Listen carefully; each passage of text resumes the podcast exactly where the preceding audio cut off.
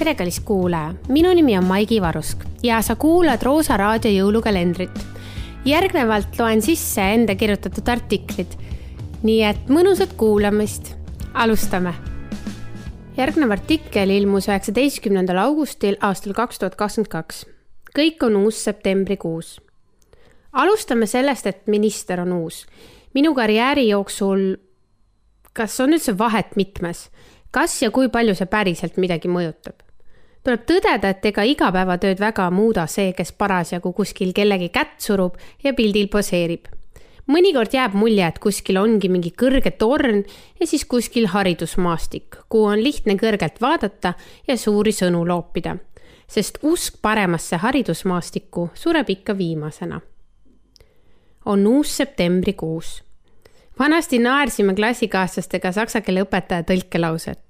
Juba augusti lõpus tunnen ma teatud kripeldust maapiirkonnas. mõtlesin, et on ikka kummaline lause. nüüd aastaid hiljem saan aru, et õpetaja kirjutas enda kohta, mitte meie. ka mina olen seda tundnud ja nimetan seda magusaks ärevuseks see sisaldab erisuguseid tundeid ja mõtteid, kuid põhiline on see, et sa taipad jälle, et tahad seda tööd teha ja sulle meeldib et uued õpilased tulevad sinu tiiva alla ja sa saad jälle värskena ja puhanuna klassi ees seista. ma olen endale lubanud, et kui see tunne kaob, siis tuleb endale ausalt silma vaadata ja miskit uut leida, midagi muuta. uus septembrikuus. terve august on juba täis inspiratsiooni ja arvamusi igasugused seminarid toimuvad siin ja seal ning ma ei jõua isegi mõelda, kas ja mida ma tahan. mulle pakutakse läbipõlemise koolitusi juba augustis ning inspireeritakse uksest ja aknast. andke mulle kaks tuhat viissada eurot palka ja ma näitan teile õnnelikku õpetajat. ja siis saan aru, et oleme miinimumiga harjunud, sest kindlasti mõni naerab minu kahe tuhande viiesaja euro jutu peale.